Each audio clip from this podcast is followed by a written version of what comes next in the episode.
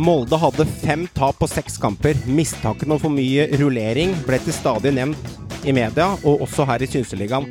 To av to seire i Europaligaen og full pott er svaret akkurat nå, pluss fire seire på rad i Eliteserien. Sølvplass er i takt hos Molde. Tapene er nå glemt. De jages av RBK, som fortsatt ikke imponerer enormt, men de nekter å tape kamper under Åge Fridtjof. Ett poeng skiller lagene i kampen om sølv. Sist gang Brann hadde, hadde verre rekke uten seier, er tilbake i 1998. Desperasjonen var høy i Bergen, og tydelig var det når de satte inn skåring på overtid borte mot Sandefjord. Fakta er at de tok ett poeng mot alle andre i bunnstriden, som var livsviktig akkurat nå. Det kan komme godt med når tauene strammes til når det er syv kamper igjen. Velkommen til en ny episode av Synseligaen. Dette dreier seg ikke om taktikk. Det dreier seg om å ville ta ut det du har i magen. Dere er gode. Skjønn at dere er gode. David Hansen! Vålerenga har snudd det! Det mangler bare at taket letter i Valhalla! Så var det lagt inn i feltet! Frode! Det er 4-1! 88-55 på tavla! Frode Johnsen har skåra tre!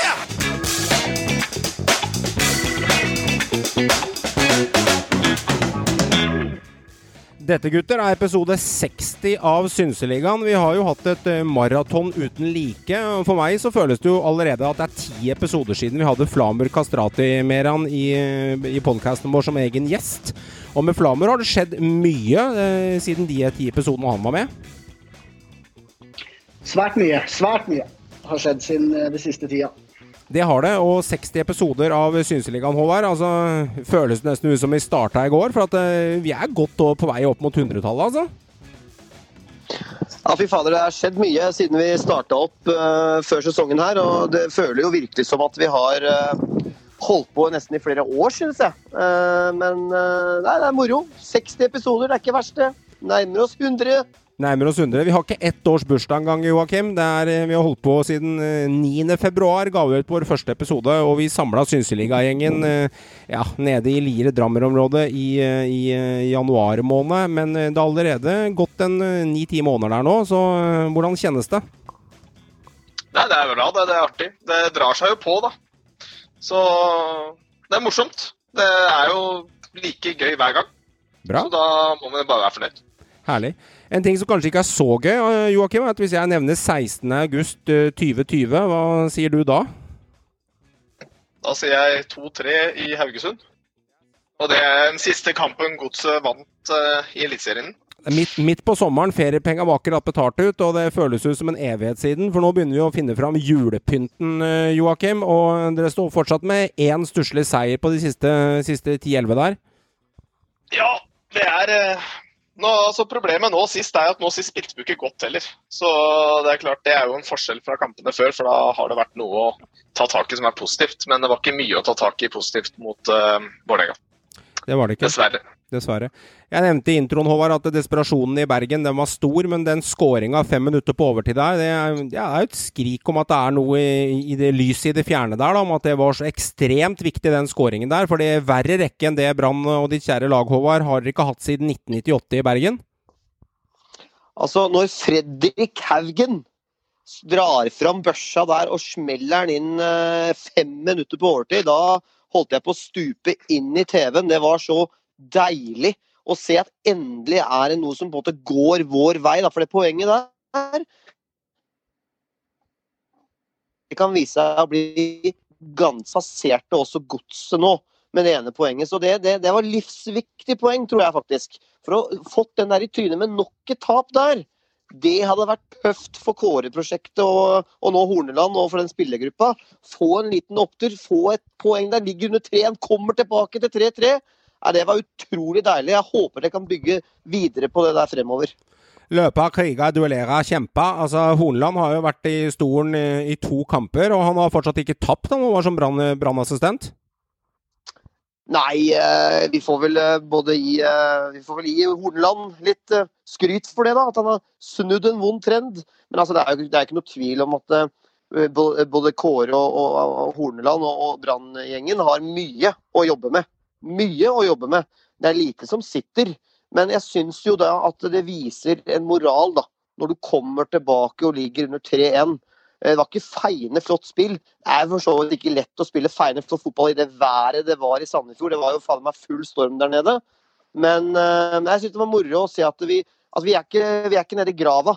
Eh, Her skal det kjempes, og, og, og deilig å se at keeper er med opp på corner og kjemper og kriger, og så får du en litt heldig scoring der. Men du må ha litt marginer med deg i den bunnstriden, altså. Og det ene poenget som ingen andre rundt dere klarte å ta, både Haugesund og Strømsgodset og Start og de fleste rundt her, de fikk jo ikke det lille poenget. Så det lille poenget kan faktisk bety noe til slutt, når det begynner å stramme seg til også. Ja, men altså Ikke minst at vi ikke tapte mot Sandefjord, da, som vi er to poeng bak. Hadde du Mm. tapt der, så er det, da er det long gone. ikke sant? Da er du for langt bak. Og ikke minst, som du nevner, da, at lagene, andre lagene rundt avga poeng. Og det viktigste av alt, at Start og Mjøndalen tapte.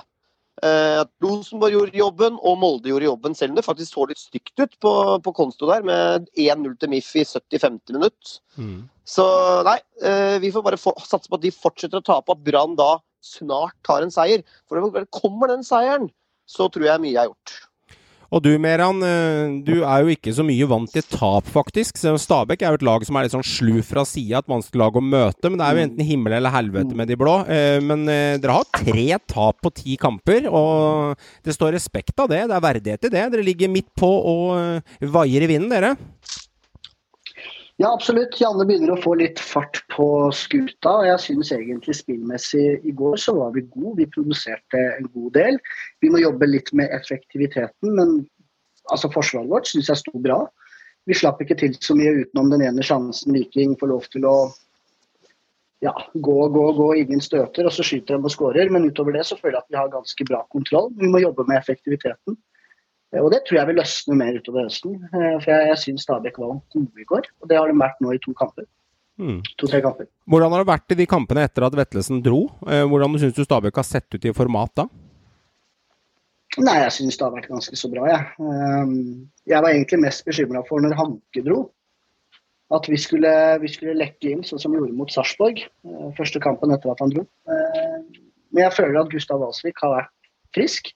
Sammen med Ja bak der, og, og ikke minst da Ottesen, som, eh, som er en veldig god back. Veldig, veldig god back.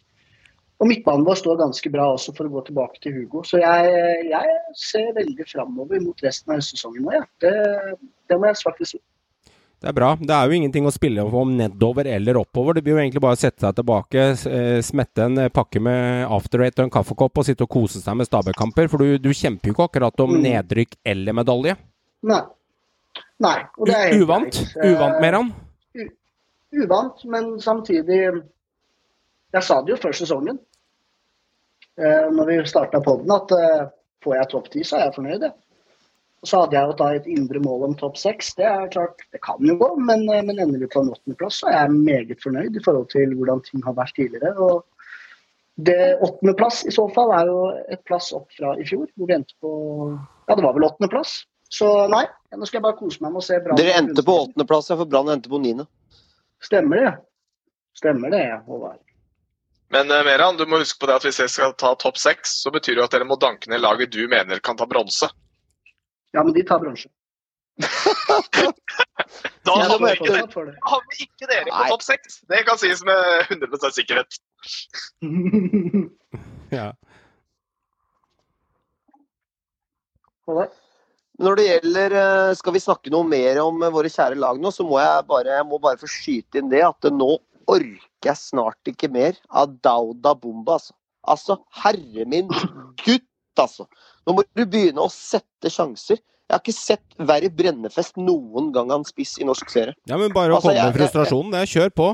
Altså, nå, nå, nå, nå er det sånn at jeg, nå vil jeg faktisk ned, se Erlend Hustad fra start, og det sier litt. Jeg vil se Erlend Hustad fra start. Nå må du gi han en sjanse. Det må være grenser for hvor mye tillit du skal få som spiss. En ting, det var, det var, Jeg støtta den der greia i fjor med å bli kvitt Veton, og han også ville bort, selvfølgelig, men å gi Bamba da, eh, all tillit. Og han har fått det. Han har akkurat fått det. Han har fått det han ba om, holdt jeg på å si, og ville ha. All tillit. Han ser helt malplassert ut. Han løper og jobber, men problemet er at det, det stemmer ikke i avslutninger, det stemmer ikke i presisjon, det stemmer ikke i løp. Det er så lite som stemmer. Han ser helt som en sånn hodeløs høne ute på banen. Når han får sjansen, så er det nesten aldri et rent treff på ball. Eh, men han skal ha for at han jobber og gir alt. Men altså, akkurat som han ikke skjønner hvor han skal være for å skåre mål. Jeg forstår det ikke. altså Nå, nå begynner jeg å bli lei. Og det er flere som altså, den der, Jeg har ikke sett en spiss brenne mer i norsk serie noensinne, tror jeg. Hvem, hvem sitt ansvar er det at eh, Bamba ikke skårer mål, da? Jeg vil si at det er først og fremst han sjøl som ikke klarer å skåre mål. For han har fått utallige sjanser. Og dette er ikke bedriftsfotball eller breddefotball vi driver med. Nå må du faktisk forvente flere skåringer. Han har fått masse tillit av Lan. Han har fått masse tillit av Kåre. Og under Kåre har han fått spille 90 minutter hele tiden også. Og det er nesten ikke skåring han leverer. Han, han blir servert. Han kommer til sjanser, men han setter dem ikke. Og nå begynner jeg å bli lei. altså Nå tror jeg vi faktisk må gjøre et skifte. Kanskje eventuelt Sander Svendsen som spiss, som riktignok ikke har fått det til på kant. Kanskje hvorfor ikke kjøre han inn som spiss? Det har han hatt suksess med i Danmark, der han spilte eh, rein spiss i Odense. Jeg tror nesten det kan være en, en, en, en mulighet nå, altså. Eller, eller Erlend Bustad. Jeg tror Bamba må en tur på benk, rett og slett. Ja, han brenner noe enormt. Det er litt mangel på kvalitet der. Du kan ikke begynne å skylde liksom, på Jeg er ikke noe fan av å skylde på tilfeldigheter, men når du har spilt eh, 2-23 eliteserierunder og du har det svakeste snittet som midtspiss i Eliteserien, han brenner enormt med muligheter. Det, det, er, det, er, mangel på kvalitet, og så sitter det i hodet, og alle vet at psykologi er viktig. Ja da, det gjør det, men da må de prøve å hente inn de riktige verktøyene for å få løsna opp i det her, da. Det kan være en fordel. Han, han vil så mye, men han, altså, det, det sitter overhodet ikke, altså. Ja, nei, det er frustrerende, men det var gledelig da, over å få den skåringa på overtid. Det har du utdypt glede over, så det, det, var bra. Og jeg må jo si at det, eh, det føltes og deilig at det var, Jeg må si at deilig at det var Fredrik, at det var Fredrik Haug nå. Det var deilig. Det, det, I hvert fall det jeg har lest i etterkant, så føltes det ut som det var en trepoenger for dere, selv om det ble ett. Ja, jeg tror den psykologien der er veldig viktig, å komme tilbake der og, og få et poeng. da. Mm. Det er viktig. Jeg ser den. Gutter, vi har fått et lyttespørsmål fra Jørgen TB, som eh, faktisk lurer på et spørsmål til oss. og det er eh, Har dere noen favorittspillere på eget lag? Og det har faktisk ikke snakket så mye om i år. Hvis du bare ikke har lyst til å slenge ut et navn på en egen spiller fra, fra en egen lag. Vi kan starte hos deg, Meran. Eh, nevn en spiller eller to, og utdyp gjerne årsaken. Jeg trenger ikke fem navn. Prinsen vår, Luke. Han har jeg alltid, alltid elska siden Inge André Olsen presenterte han i 2012 sammen med Veigard sin eh, Ja, sammen med Veigard eh, for tredje gang, så ble han presentert som den nye Zoomen Choi. Eh, og Lukassi har alltid vært en av mine favorittspillere. Det er så synd at han har vært skadeplaga i alle år. Men, men for meg desidert min favoritt. Fin scoring nå, da. Veldig fin. Veldig fin. Ja, jeg får ta mitt kjære Brann, da. Det er ikke så altfor mye krydder der. Jeg må være ærlig og si det. Eh, det har vært ganske mange andre mer spennende Brann-utgaver. Eh, der jeg har hatt eh, utrolig mange spillere jeg har likt å, å se på, og, og som syns har vært kule. Men jeg må vel faktisk trekke fram godeste Fredrik Haugen da, som en favoritt. og Det er derfor det har vært litt sånn trist å se at han ikke har levert de siste årene òg. Men men ekstra deilig å se Fredrik lykkes med scoring nå, og håper at vi kan se mer fra, fra den kanten. Ja, for min del så er det en miks. Eh, Godset har jo det med å ha spillere som utmerker seg hver eneste sesong. Så det er veldig få spillere som på en måte går mange sesonger og leverer. Men eh, Wilsvik har, alltid vært en, har jeg alltid vært veldig stor fan av. Og, men i år så er det klart at det er én spiller som trumfer alle, og det sier jo seg selv. Det er jo Hove. Det er den eneste spilleren som har levert for godset hver eneste kamp han har spilt. Stort sett hvert eneste minutt han har spilt. Så Johan Hove er den som holder godset i gang. Ja. Det er fine navn, det. Jeg har jo fått en ny favoritt. Jeg har jo tidligere hatt eh, andre favoritter. Det har jo gått mange spillere ut fra RBK. Bare på et år så er det nesten ikke samme elveren utenom Forsvaret, nesten. Og det er nesten ikke der heller, utenom Tore som, og André Hansen, som er igjen fra et år tilbake. Men jeg har fått en ny favoritt i Pa Konate digger Paco Mate. Ja, jeg syns det er så herlig energisk spiller. Ass. Jeg får sånn, eh, får sånn, kjærlighet i øya. Blir sånn, blir sånn man-crush nesten mer han i når Han eh, løper opp på, eh, på venstre der. De siste kampene har han vært sprudlende i tillegg. Jeg syns det er gøy å se han spille, og så har han en sånn har en sånn smittende måte å være på på banen der som jeg, som jeg liker. Altså, han er sånn spiller hvis han kommer til å gjøre en skitfeil, en sånn skikkelig dritfeil som gjør at vi taper mot Molde eller Bodø-Glimt og et eller annet, så kommer jeg liksom til å tilgi ham bare for at jeg liker fyren. Og, og, og da har du plukka riktig spiller, føler jeg, for din egen del. Når du, når du gjør deg blind på litt sånn kjærlighet fra spiller, så Paconate er en ny favoritt hos meg. Så du har bytta ut din kjære Kjekk Selland også? Altså, Helland. Helland for meg har aldri, egentlig aldri vært eh, den som har vært nummer én på den lista. eh, for- Ja for vel. Nei, det var egentlig ikke det. OK! Forrige, for- forrige spiller jeg likte veldig godt i Rosenborg som var der, var Alexander Sødlund. Han var er flere grunner, for jeg syns han var en fin type, så han likte jeg veldig godt. Eh, men Helland er jo en veldig sånn RBK i hjertespiller, men det har ikke vært min hovedfavoritt, faktisk. Det har det faktisk ikke vært. Eh, Tjener kjeksen, står ni der og smuler, tenker jeg da. er, er det navn på Helland har vært din nummer én lenge. Han har ikke det? Nei, det OK. Jeg veit jo, vet jo, jo for min egen del hvem som har vært nummer én oppi mitt uh, hode. Det, er- jeg, jeg har forsvart Helland på at han er en god fotballspiller, men i år har han ikke vært god. Men uh, i år er det, nå er det Paco Nate som har switch, switcha over litt, uten tvil. På, på tre år har han ikke vært god. Nei, han har lenge siden han har vært god nå, det er helt riktig. Men nå var ikke dette spørsmålet om hvem som var god og dårlig i klubber, da. Eh, Nå var det spørsmål om vi likte som personligheter, og hvem vi likte i Ja. attityd. Og Paco Nate liker jeg godt.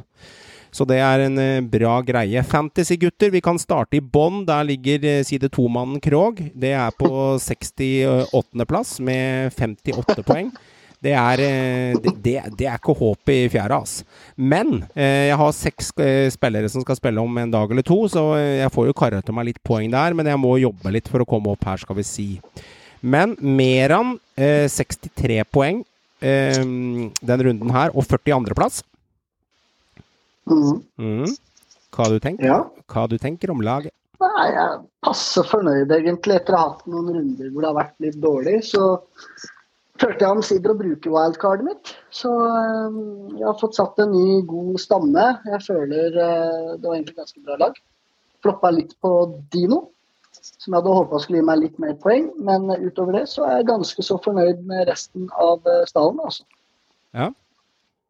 Du, Sauri kjørte, kjørte du også inn her? Sarori kjørte jeg, og jeg kjørte Bodjevink, som ga meg 14 poeng. Jeg har Pakonate. Eh, jeg hadde tre Rosenborg-spillere. Konate ga mest poeng. Zakariassen og Dino eh, svært lite. Junker ga meg 13 poeng, fornøyd med det. Skulle gjerne sett at Kjartansson ga meg litt flere poeng, men eh, Pelle OK. Nei, alt i alt fornøyd, jeg, ja, altså.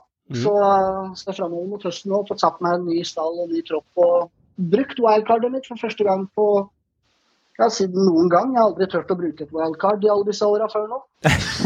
Det var liksom den store frykten å bruke wildcard. å- Ja, for jeg er dårlig på sånne ting. Så nå bestemte jeg meg for at nå gjør jeg det. Mm. Jeg er egentlig ganske fornøyd. Ganske fornøyd. Så bra. Så bra. Men du styrte unna å kjøre noen doble matcher der med Viking og Odd. Eh, Du lot, lot ikke den eh, komme inn i wildcarden? Tenker alltid langsiktig, jeg, vet du. Så eh, nå tenker jeg de neste syv kampene, så, så nei. Jeg lot meg ikke påvirke av det. Men hvis du tenker langsiktig, altså Krog er på side to, så det er det kjørt av. Men du er på 42.-plass, da, så skal du begynne å få litt håp opp på lista. Så må du begynne å slå litt oppover og gjøre litt sjanser, du òg. Nei. Jeg er sånn Du er fornøyd, 30, da er jeg du er fornøyd. fornøyd med å være middelmålet, egentlig? Ja. Ok. Ja. Jeg er bare fornøyd jeg ikke havner på side to, så nei, jeg skjønner. Jeg skjønner. går det greit. Må, alle må se ut fra sin egen situasjon og hvor de er hen. Jeg prøver i hvert fall å gjøre noen krumspring og gjøre noen galskaper der ute for å komme oppover. Jeg lyktes ikke veldig godt, men vi får se. Håvard, 23.-plass, 71 poeng. Eh, Du kjørte jo inn noen der som faktisk eh, Nei, du hadde heller ingen Viking- og Odd-spillere med doble der. Du tok, nei, du tok heller ikke dine tanker om laget. Deilig å treffe nok en gang på cap-valg, som er essensielt for å lykkes i fantasy. Ja. Det, det, er det, det er veldig essensielt å treffe der. Så det var deilig med Junker nok en gang. Satt inn to kasser, og så treffer jeg veldig bra på Bård Kyvink. Og jeg treffer også relativt bra på Pelle og, eh, og gutta på midten. Så det er det. Man skal ikke være misfornøyd med 71 poeng. Det, det er jeg veldig fornøyd med. Det er bra, det, altså. Har du noen tanker for å hente opp eh, Joakim der på toppen? For vi snakker om eh, ja, 30-34-35 poeng. Har du noen tanker? For Du kommer ikke være fornøyd med å havne ja, litt over midten, du også? Nei, jeg sikter på toppen, jeg. Jeg skal forbi Joakim, det er målet.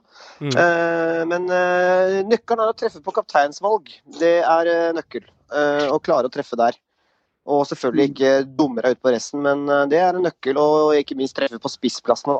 Treffe på de tre foran. Mm. Ser den. Joakim, 53 poeng, litt mindre enn Håvard. Han tok litt på deg denne uka her, men du holder standplass på 13., faktisk. Altså litt sånn dødens plass, ulykketallet. Nei, men altså, jeg satser jo på at uh, Mors putter to i midtukekampen. Ja. Så da er jeg plutselig forbi igjen da, veldig fort. For jeg har i hvert fall to Odd-spillere. Det har du. Så det er jo det som er eh, Og kapteinen min er jo fremdeles mors. Det var Junker eller han, så han eh, har bare å putte to nå i midtuka. Så spretter jeg fint og leken forbi igjen, vet du. Så det er ikke noe problem. Men eh, nei, jeg er egentlig fornøyd, jeg. altså, det Altså jeg kunne, jeg visste, altså jeg kunne jo Hadde jeg vært realistisk, så kunne jeg gjort det bedre. Men jeg har jo ikke hjerte til å smelle inn Nesberg og Claesson for Myra og HV. Det, det, var, det, var, liksom det som var valget, men jeg klarte, jeg hadde ikke hjerte til det. Jeg måtte jo tro at godset kom til å roe i land dette her. Men jeg ser jo det at uh, rent realistisk så skulle jeg forholdt meg til det, da. Men uh, nei, jeg er egentlig sånn OK fornøyd. Uh, så fremt Bakenga putter mot Viking. Da er jeg happy. Ja, spennende. Jeg har seks spillere sjøl der. altså Tre fra Odd og tre fra Viking. Så jeg regner med bare der henter jeg mer an eh, den runden her. Så vi får se mer an hvor spennende det blir. Så vi får diske opp noen veddemål, da, hvis dere har lyst til å være med på det, gutter, til neste runde. Jeg syns kanskje vi skal kanskje vi kan kjøre Kanskje vi kan kjøre runden ferdig først i morgen og se hvor mange poeng jeg har nærma meg mer an før du legger noe alvorlig i bordet. Ja, du vil, du vil, vente til i morgen før det skjer veddemål? Nei, nei, okay, er det ikke på onsdag? Ja, jo, på onsdag, jo. Men, men, men, for guds skyld, kjør, det, kjør gjerne veddemålet før det. Jeg bare tenkte litt for din del, slik at du så at jeg ikke var så nærme deg. Jeg tenkte liksom for å redde deg litt, da. Nei, det går bra. Jeg tenker kun på side 1-folka. Det er de som er nærme meg. Bare husk på at du er uh, ca. ti plasser av havne på side to snart. da. Så hvis du tenker for mye på side én, så er du på side to du også snart, Meran. Og det, det, skal glede meg om det skjer. Da blir det, da blir det artig her. Jeg vil dra fram ett et, et lag, og det er eh, Anders Fanuelsen med Fandoramas BK. Han ligger faktisk eh, også på side to. Han ligger kun 14-15 poeng foran uh, Krog, altså uh, jeg som prater nå, med 89 poeng fikk uh, Fanuelsen den runden her. Det, Fy fader, Fanu, det er litt sterkt levert. Ja, det var bra. Og det som er litt spennende med Fanuelsen sitt lag, er at han har både Ruud og Bakenga igjen i dobbeltrunde. Eh, så og, og, så kommer han til å stjele seg til to poeng på Makani, så han kommer til å runde 100 han, hvis de gutta leverer litt. Grann, så da kryper han oppover. Så eh, Anders har muligheter, han. Eh, jeg tror, må, jeg, tror dette her er virkelig en sånn ordentlig flakserunde fra Fanelsen. Ja, han, han ligger jo ned i gjørma sammen med meg. På det. Ja, det tyder på ordentlig griseflaks. Sånn er det. Viken fylke med Kenneth Sørensen leder, The Sidders med Espen Dahl nummer to. Og så har vi en ny en på tredje der som jeg ikke har sett på en stund, og det er Torskovs utvalgte med Morten Arntzen Torskov. Så uh, de gutta her begynner å ha 1500 poeng, og som Joakim sier, da begynner det å bli seigt, og det er vanskelig å ta dem igjen. Så minner fortsatt om premien. Det er er en uh, valgfri drakt fra et eliteserielag uh, hvis du klarer å vinne Synseligaens gruppe. Og det er jo ca. 100 spillere med her, så det er virkelig muligheter for den som henger med. Vebjørn Hoff fra Odds ballklubb her. Takk for at du lytta til eh, Synseligaen. Det er en podkast der det blir snakka løst og fast om Eliteserien, og du vil bli bedre kjent med profilene i den. Vi høres. Der fikk vi en ny stemme, gutter. Vi måtte bytte ut disse gutta som uh, har blitt solgt, Håvard. Uh, for det er jo sånn at stiller du opp uh, på jingeren i Synseligaen, så blir du solgt til utlandet. Så Vebjørn Hoff, velkommen skal han være som en ny stemme. Det var deilig å få med en arbeidsspiller fra Skiensdraktene også, var det ikke det? Det er gode muligheter for Vebjørn, da. Må ta steget ut. Det er nestemann, det nå. Her. Det er neste, ja, ja, ja. Da, blir, da, renner inn tilbud. Ja, da blir, da blir det kanskje litt sånn Tronstad i Haugesund. At det liksom jobber jævlig på midtbanen, og så blir han solgt når sesongen er slutt. Emil Hoff er god spiller, han. Veldig god. Han er en bra spiller. Norge-gutter skal spille første kampen mot Israel. Eh, vi kan starte hos deg, Håvard. Hjemme 11.11. 11.11. Det er eh, datoen der. Eh, vi skal møte Israel, og så har vi Romania og Østerrike borte. Og det ble en landslagstropp som ble tatt ut i går, hvis ikke jeg husker helt gærent her. Så I dag. I dag var det, var det i dag eller i går? I dag. I dag, ja. I dag mandag. Og eh, det har jo skjedd litt der også. Man har noen spillere som er utelatt av troppen, noen som har takka for seg, og betydningen av de tre kampene som kommer opp nå. Altså Israel det er jo rett og slett en uh, god gammeldags treningskamp. Uh, det er på en måte en slags sånn taperfinale av uh, Nations League. Israel som møtte da Skottland, tapte mot de. Eh, og vi møter da Israel i en eh, egentlig en ubetydelig kamp, men eh, vi får jo håpe at vi kanskje kan se litt, litt unge, spennende, fremadstormende spillere. da. F.eks. en Jens Petter Hauge fra start. Det hadde vært gøy. Så det er litt sånn jeg er spent på på den Israel-kampen. Om vi på en måte Lars velger det trygge og det vanlige, og de som skal starte mot Romania og Østerrike. La han tørre å eksperimentere litt. Så Sånn sett er jo denne Israel-kampen litt interessant, da. Uten tvil. Han, han må jo tørre å eksperimentere. Altså, det, Han må bare, fordi nå har de jo bevist at det ikke funker med det gode gamle. Da må du bruke den kampen her til å få testa disse unge. Så syns jeg vi skal eh, Jeg er helt enig, jeg håper det skjer, og det har jo allerede skjedd nå. Et, eh, et skille, altså en stopperbauta eh, ved navn Tore, har gitt seg på landslaget. Jeg syns vi skal hylle Tore Reginesen. Han har alltid gitt jernet for Norge og, og, vært solid og hel ved de gangene han har spilt. Jeg syns Tore har gjort en bra jobb med det norske flagget på brystet. Og nå har han valgt å takke for seg og har lyst til å slippe til yngre spillere, nå som vi da røyk mot Serbia. Jeg syns det står respekt av. Så, så, all ære til deg, Tore. Du har gjort en fin jobb, eh, jobb, for Norge. og Så blir det spennende å se om hvem som blir Ayers fremtidige makker. Blir det eh, eh, Leo Schiri Østegård i Coventry, eller snakker vi da Stian Rode Gregersen, som er ny i landslagstroppen? Han har storspilt for Molde den siste tiden etter at han ble skadefri, og vært veldig solid bl.a. i europaligakampene nå.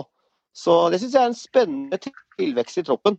Jeg syns at uh, Gregersen er, uh, er, en god stopper, altså. Altså, Det er helt riktig tidspunkt nå for uh, Reginiussen å slippe dem til. Det er liksom ja. en lite sånn mellomsegment nå, ja. hvor du har liksom Det er ikke, det er ikke noe kvalifisering eller sånn sett, det er jo Nations League. Men det er et litt rolig område hvor en kan lære seg å spille seg litt ordentlig inn.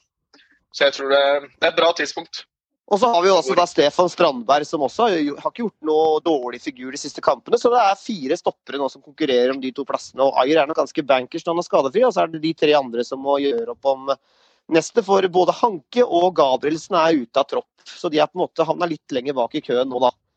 Eh, men det er jo veldig spennende offensivt også. Eh, eller litt spennende hvorfor da f.eks. en spiller som Tokmak Nguyen er utelatt i tropp, som da har storspilt Selv om laget hans tapte stort mot Barcelona, så var jo Tukki meget god. Skaffe straffespark, skåre en herlig skåring som dessverre ble avblåst, avblåst for offside, og skårer også da mot Dynamo Kiev, der de vinner. Så Tukki har jo vært veldig god i Champions League og også gjort det bra i Ungarns serie lenge. Og mange forventa nok at han skulle komme med nå. Så, så, det er litt sånn for og mot. Og så syns jeg at Lagerbäck også svarer for så vidt greit for seg. Han mener at Jens Petter Hauge, Mojo Elonussi og Martin Ødegaard er foran i køen. Og det, på mange måter kan man jo forstå det også. Så det er litt sånn, Men det som skurrer for meg, da, det er at spillere som Stefan Johansen, vår kaptein, som er ikke med i Fulhams uh, tropp engang i Premier League, han kan ikke spille førstedagsfotball før i tidligst i januar. Og spørsmålet er om han helt tatt får spille noe da også. For hva, hva skal tilsette han plutselig skal inn i tropp igjen? Ikke sant? Så, så dette er en spiller som ikke får spilt førstelagsfotball, som er da inne i tropp fortsatt. Jeg syns jeg er merkelig av en landslagssjef. Men, kommer, men, poenget kommer igjen da, at personen som kan ta over der, er ikke Tokmak. Fordi Nei, det, det du skal få inn der, da skal du få inn en ny sentral midtbanespiller. Du, skal ikke, du skal ikke få inn Tokmak. Altså, jeg, jeg, er helt enig med Lagerbäck. Altså, ja, Tokmak har vært god, for all del. Han har ikke vært god så forbanna lenge. Han, han, han har vært god, ja. Men med tanke på spillerne han faktisk skal konkurrere mot, selvfølgelig er han ikke med. Det sier jo seg selv. Altså, Nei, Stefan, der, glemmer, der, glemmer du et viktig poeng, Joakim. For Stefan Johansen på Norge spiller kant. Nei, Ja, jeg veit det, men det er, det er, det jeg sier. Poenget er at han skal ikke spille kant. Og han, han, skal ikke være med som kant. Du skal ha inn en sentral midtbanespiller til. Det er det han trenger. Fordi han har nok av ja. muligheter på kantene. Det går fint, det. Da er, vi enige, da er vi enige, for det er gode, det er gode, helt enig at det er gode kanter på Norge nå. Vi har, det kan, vi har, er kun vi har, Lars Lagerbäck som skjønner noen ting av. Han har ingenting der å gjøre. Nei, han har ikke det. Det er et klippekort som jeg syns er merkelig. Det er kun fordi han er kaptein, og eventuelt er en viktig spiller i gruppa. Altså, Stefan har det jo litt med, da. Å, å svare når han på en måte gjør dårlige kamper og gjør OK kamper, men nå spiller han ikke fotball. Han er helt ute i kulda. Da kan du ikke bli tatt ut i landslagstropp. Altså. Det syns jeg er merkelig håndtert. Helt enig. Ok. Eh, spørsmål til dere. Ta det med Tokke først. Eh, Meran, hva tenker du eh, angående Tokmak? Jeg tenker det er tull. Ja. Vi må ha med formspillere. Dette er en av de beste formspillerne Norge har per nå. gjør det veldig godt i Champions League. Så jeg skjønner, jeg skjønner ikke hvorfor han ikke er med i tropp, i hvert fall. Ok. Og uh, siden han ikke burde vært med i tropp, er forespiller, uh, til Håvard Joakim der, uh, hvis du skal forsvare Tokmak at han skulle vært med, da. Har ikke han litt andre mm. egenskaper i, som offensiv spiller enn det vi har i det norske landslaget fra før av? Er ikke han sånn spiller som Han setter jo fryktelig fart og er vanskelig å få has på, og han er jo lettbeint og lavt tyngdepunkt og en ekkel spiller å håndtere for motstanderen? Han er absolutt en god spiller, Johan, men som jeg nevnte i stad, han, han har veid og funnet for lett i forhold til Jens Petter Hauge. Martin Ødegaard og Moyo Nussi. Og det er også spillere som har de ferdighetene. Men selvfølgelig, du, du kan jo forsvare at han har blitt tatt ut i tropp også. Mm. Han har gjort det ekstremt bra ikke sant? I, mm. over lang tid. Så, så jeg hadde ikke syntes det hadde vært rart hvis han kom med, men jeg skjønte argumentene til landslagssjefen når han, når han, når han eh, tok opp hvem han konkurrerer mot. Da, da, kan du på en måte få, skal du vrake Jens Petter Hauge, da, som har skåret mot AC Milan, skåret for AC Milan allerede, og hatt en sinnssyk sesong. Skal du vrake Martin Ødegaard? Skal du vrake Moey, som storspiller for Celtic og skårte to mål nå nylig? Ja, ja. Så det er sånn Ja. Det er, det er Stefan først og fremst jeg reagerer på, altså. Ja. Jeg er helt enig, men, og da er det ikke Tokmak som skal inn. Det er hele poenget. Da, da vil du ikke ta med Patrick Berg. Altså, du, han, han, er med, forresten. Ja, jo, jo, men sant, det, det, er det som er poenget. da. Altså, du, med, altså, du må ha med en sentral midtbanespiller. For det er der jeg føler at det store problemet til Norge ofte har vært. Og at de ikke har brukt Stefan Johansen der, syns jeg egentlig er bisart. Altså, det, er jo, det er den rollen han kan bekle. Ja, jeg er enig der. Altså, hvis Stefan skal spille, så må han spille sentralt. Han må spille sentralt, så jeg skjønner ikke det. Men når det kommer til Tokmark, ja. Men han er faktisk, og det syns jeg også bare litt i forhold til det der intervjuet han ga i VG også. altså Poenget er at maset hans om at 'jeg stiller bakerst i køen', 'å, alltid meg Han er bare en av mange. Han er ikke, jo, det var sånn jeg leste jo hva han Nei, skrev. jeg er ikke enig i det. Jeg er ikke enig. Lang vei dit jeg skal. Jeg er vant til det nå. Jeg skjønner at jeg må gjøre mer enn andre. Men han er bare en av mange. Det er helt poenget. Han, ja, han er god, jeg... men det kan ikke være Pellegrino. Det må ikke være Tukki, det kan være Pellegrino. Spiller ingen rolle. Poenget er at hvis du herjer i Champions League, hvis det ikke får deg til landslagsspill, så vil du aldri få landslagsspill. Det var det poenget til Tokki var. Han har herja. Nei, han har herja flere kamper. Herja. Han har herja i 1,2 mot Barca. Greit. Gratulerer. Kampen etter og så skårer han. Kampen etter mot Kiev, han, han, var banens, han, var banens, beste mot Dynamo Kiev, det var han. Men, men det er to ja, det er, er samme som mot Rosenborg, cirka. Nei, men, han, men, men for, å, for, å, si det litt på andre veien, han, han, var ikke spesielt god mot Molde i to kamper. Det var han ikke. Eh, og, og, og Molde-lag som var fullt på høyde med Fenersvaros i begge kamper. Så men, men igjen, jeg, jeg, jeg synes det var Jeg må innrømme at jeg stussa når han ikke var med. Jeg trodde faktisk han skulle komme nå. Men uh, vi har også andre gode spillere på wing-posisjon, og, og, vi har tre, vi har tre gode spisser. Okay, så det er, okay. det er, vanskelig. Litt delte meninger om uh, Tokmak. Eh, personlig så støtter jeg Meran. Jeg, selv om ikke har sett meg så mye inn i det som dere gjør, men jeg vil gjerne likt å sette en spiller med hans kaliber, uh, og hatt den i hvert fall på benken. At den får tillit til å komme inn i troppen, få vist noe hvis det har vært mulig. Jeg skjønner at det er vanskelig å vrake noen der, men jeg, jeg vil gjerne sett det. Så er det over til mulighetene i disse tre kampene. Hvor står vi mot Israel, Romania og Østerrike, hvis vi tenker poengmessig, gutter? Altså, det er jo én kamp som er superviktig her. Eh, det er faktisk en viktig kamp. Det er bortekampen mot Østerrike. For hvis vi vinner mot Østerrike borte, så har vi eh, store sjanser til å vinne gruppa. Og da rykker vi opp på høyeste nivå i Nations League. Vi er da eh, igjen muligens sikra en playoff til VM altså sikra Uansett hvordan det går i VM-kvall, så er vi sikra en playoff-sjanse, eh, sannsynligvis. Uh, og så er det jo gøy da at vi kan rykke opp til øverste nivå og møte de virkelig store kanonene i Nations League neste runde. Og vil også gjøre at vi får en lettere VM-kvalik. Det er fint oppsummert. Det blir spennende å se hvem som starter disse kampene. og Første kampen er altså 11.11. Det skulle vært klokka 11, vet du, for det har alt vært 11, 11, 11. Men det er det ikke. Det er 11.11.2020, sikkert på kveldstid der, mot Israel hjemme, som er første matchen. Pellegrino mer enn 20 mål. Det var en milepæl, det. Det er ikke ofte vi har en spiller i Eliteserien. Eh, som i hvert fall eh, de siste årene så har vi hatt noen der som har skåret over 20, men det er ikke sånn det dukker opp hvert eneste år. Eh, vi må jo gratulere han med den. Absolutt. Vel unt, vel fortjent. Og det er fremdeles eh, seks-syv kamper igjen for hans del, så her er det bare å mate på. Det kan bli 25. Han kan klare det. Jeg har trua på det. Syns han skal bare kjøre på. Han har gått tre kamper nå, Joakim, uten å score, og så plutselig kom det en klassisk Pellegrino eh, skjærende inn der og bare køla han over keeper. Det er nesten så at keeperen ute, Joakim, skulle nesten stått på streken. For jeg har ikke sett Pellegrino komme aleine mot keeper på fem meter inn ennå. Han skyter alltid fra 16 til 22 meter køla inn.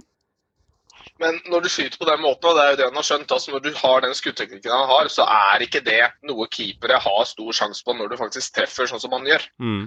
Eh, fordi du må, du må, kan ikke bare anta altså, Ja, hva skal keeperen gjøre da? Bare kaste seg og løpe og kaste den veien i forkant. Da ser det jo jævla dum ut hvis Pellegrino bare drar en overtrekksfinte og skyter andre veien. Så ikke sant, altså, Når du er så god på å plassere, som det Pellegrino er, så går de der inn.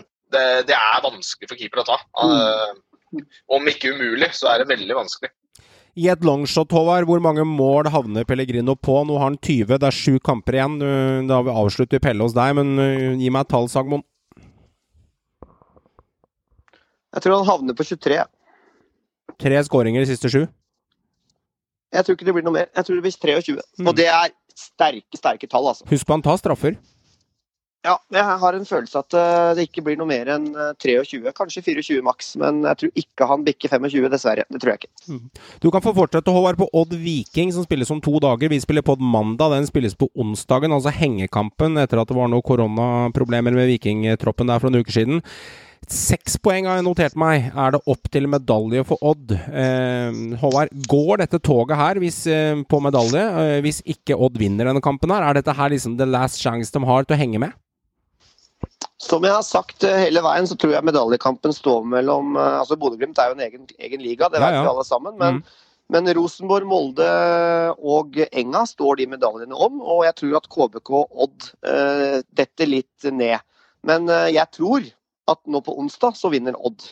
Men, uh, da har de heng. De har heng. Ja, de har heng, men jeg har ikke noe trua på at de vil blande seg inn der oppe.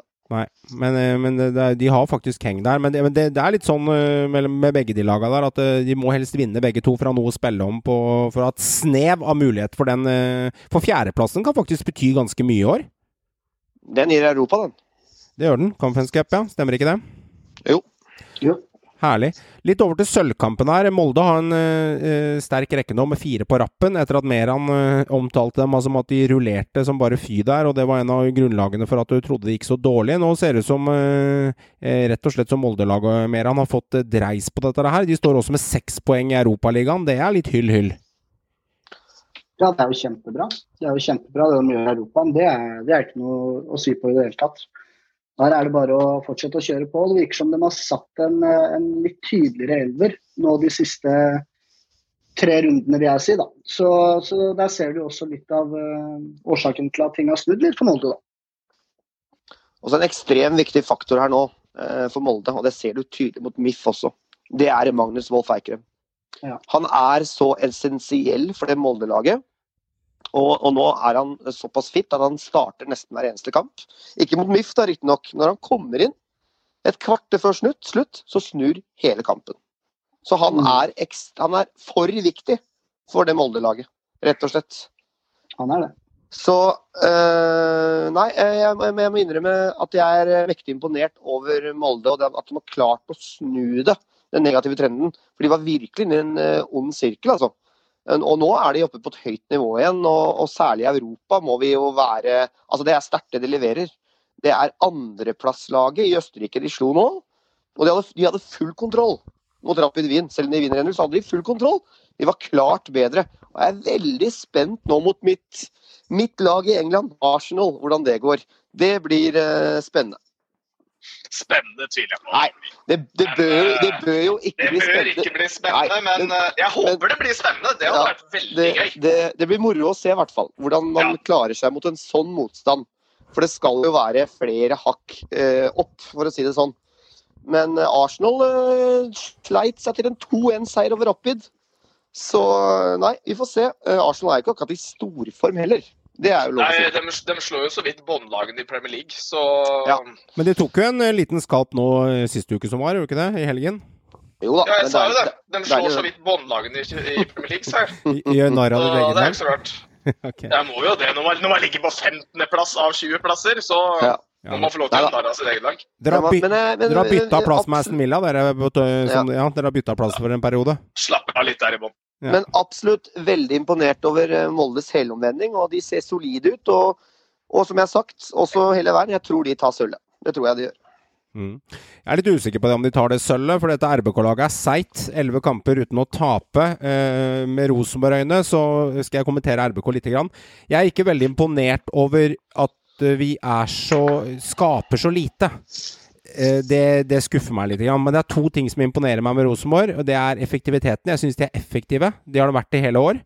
Og så er det én ting til som har skjedd en liten endring de siste fire-fem kampene. Egentlig etter at de røyk ut Europa, faktisk. Og det er at de slipper til fryktelig lite eh, frispark fra sånn 30-40 meter inn som kan bli farlig for motstanderen. Rosenborg lager veldig mye unødvendig, lite unødvendig frispark som ofte motstanderlag kan score på. For det er jo ingen hemmelighet at hvis du spiller en eliteseriekamp mot Haugesund og du slipper til et, eh, en kjip frispark fra en 35 meter, så er det alltid fare for at Stølås og gjengen der eh, kan dunke inn en utligning eller en scoring. Men Rosenborg er ganske tighte på det. Det er lite tull der. Men klart, jeg syns det skorter litt på gleden offensivt når jeg ser mitt Rosenborg. Men de er seige, da. De taper ikke, og så vinner de stort sett eh, kampene med én scoring. Minner meg litt om eh, Minner meg lite grann, akkurat nå, om Erik Hamren-laget som vinner med ett mål i hver kamp. Jeg er veldig enig med den sammenligningen. Jeg skulle akkurat å si det. Det minner om det eh, RBK-laget under Hamren. Og så syns jeg at eh, Holmar Ørn Eyolfsson har kommet inn på en veldig fin måte i det RBK-laget. Og er en soleklar makker sammen med Tore nå. Eh, Han syns jeg har vært god. Og så har de truffet overraskende bra da, på Paco Nate, som har vært, vært god på venstrebekk og, og, og tunge på midtbane nå, da. Bokstavelig talt. med med de signeringene inn der, og, og Dino ser OK ut, og til og med, til og med Helland. Nå ble han jo skada igjen, da, stakkars. Men eh, til, og- til og med Helland har jo vært eh, OK nå. Jeg er, ikke enig, jeg er faktisk Men, ikke enig i Helland. Jeg syns faktisk han har vært på eh, OK minus. Er faktisk, Nei, han har vært, eh, jeg syns han har vært bra, og han har fått eh, fortjent skryt og kommet litt tilbake. Han så nesten ferdig ut. Jeg syns han har vært OK. Men jeg kan ikke skjønne hvorfor han fikk så mye for to, to kamper siden mot Sarp eller de møtte. Så kan ikke skjønne han fikk så mye skryt for han liksom kommet tilbake igjen i laget. Han produserte ingenting. I forrige kamp derimot så var han god på innleggene og fikk mye. Men det var for at Rosenborg fikk ni cornere til pause. Men han henger jo ikke med på defensive løp. Han drar jo ikke av en mann lenger. Og så kommer Carlo Holse innover i denne matchen, før du får ro. Joakim. Og han dra, tar to løp! Jeg sier to løp inn bak motstander. Den første blir ikke sett. Den andre blir sett av Saeed, og da kommer stikkeren, og så fiker Carl Holse den i sida. Det hadde aldri Helland gjort. Og angående Holmar, så nevner han, der er spot on enig, Håvard. Og jeg må gratulere Holmar med sin hundrende kamp i Eliteserien. Det var litt merkelig å se. Spilt fem kamper i andre periode for Rosenborg. Plutselig hadde han 100 kamper, for han hadde jo 95 fra før av. Så eh, han fikk jo blomster i går og greier, så det var litt artig. Og Siljan har 250 kamper for Rosenborg nå, fikk også den i går. Jeg skal ikke si, altså jeg, altså jeg er helt enig med det du sier. Jeg, i forhold til jeg gidder ikke å kaste meg på Helland og det øh, fjaset der en gang til. Du er enig i det eh, andre, jeg, vil det første? ja, ja, ja, jeg, altså, jeg er enig i at han har ikke vært noe god, egentlig. Jeg syns ikke det. Jeg synes ikke det. Eh, Han har vært bedre enn før, men det skulle ikke så mye til. Enig. Men eh, det de som tenker, da, eh, med all den sammenligningen med Hamren og sånn, så er det litt artig, da. Det blir sånn, så tenker liksom, Er det en liten reality-sjekk på gang på Lerkendal nå, kanskje? Ja. Hamren blei vel mer eller mindre sparka fordi han spilte så kjedelig fotball. Du bommer så du griner. Eh, Han ble ikke sparka i det hele tatt. Han ble henta som svensk landslagstrener. Eh, Ja. Så Å ja, stemmer det! Han tok over Sverige, han! ja, det er Jo, men i hvert fall, jeg husker når han spilte, så var jo Rosenborg-supporterne fryktelig irritert over måten Rosenborg spilte og vant kamper på. Ja. Det var jo ikke Rosenborg. Man skulle gjerne ha det tilbake det gode gamle. Nå har de prøvd det litt. Ja. Hareid tilbake igjen, Nå er tilbake igjen på litt sånn derre kjedelig stil igjen. Men det er kanskje akkurat den trenger. Jeg tror det er det. Jeg har lyst til å si noe, men la Håvard få ordet. Altså, den, eh, Etter den perioden RBK har hatt nå, eh, med, med, med så underprestering over så lang tid, så tror jeg det viktigste er at RBK vinner kamper og, ikke, og ikke taper. Og, og faktisk eh, har tatt betraktelig mer med poeng. Og så tror jeg finspillet må komme litt etter hvert. Men det er morsomt å se Seid fra start. Og det er jo spiller som selvfølgelig skal spille fast på det laget. Ja, det er litt sånn rykk og napp og sånne ting, men han har, han har X-faktor, han har ferdigheter offensivt. Og det trenger det RBK-laget å ha på banen. Og så er det ikke noe tvil om at Doff skal spille indreløper. Det, det er jo ikke noe tvil. 100 av 100 ganger skal han starte som indreløper. Kanskje Eliteseriens beste indreløper.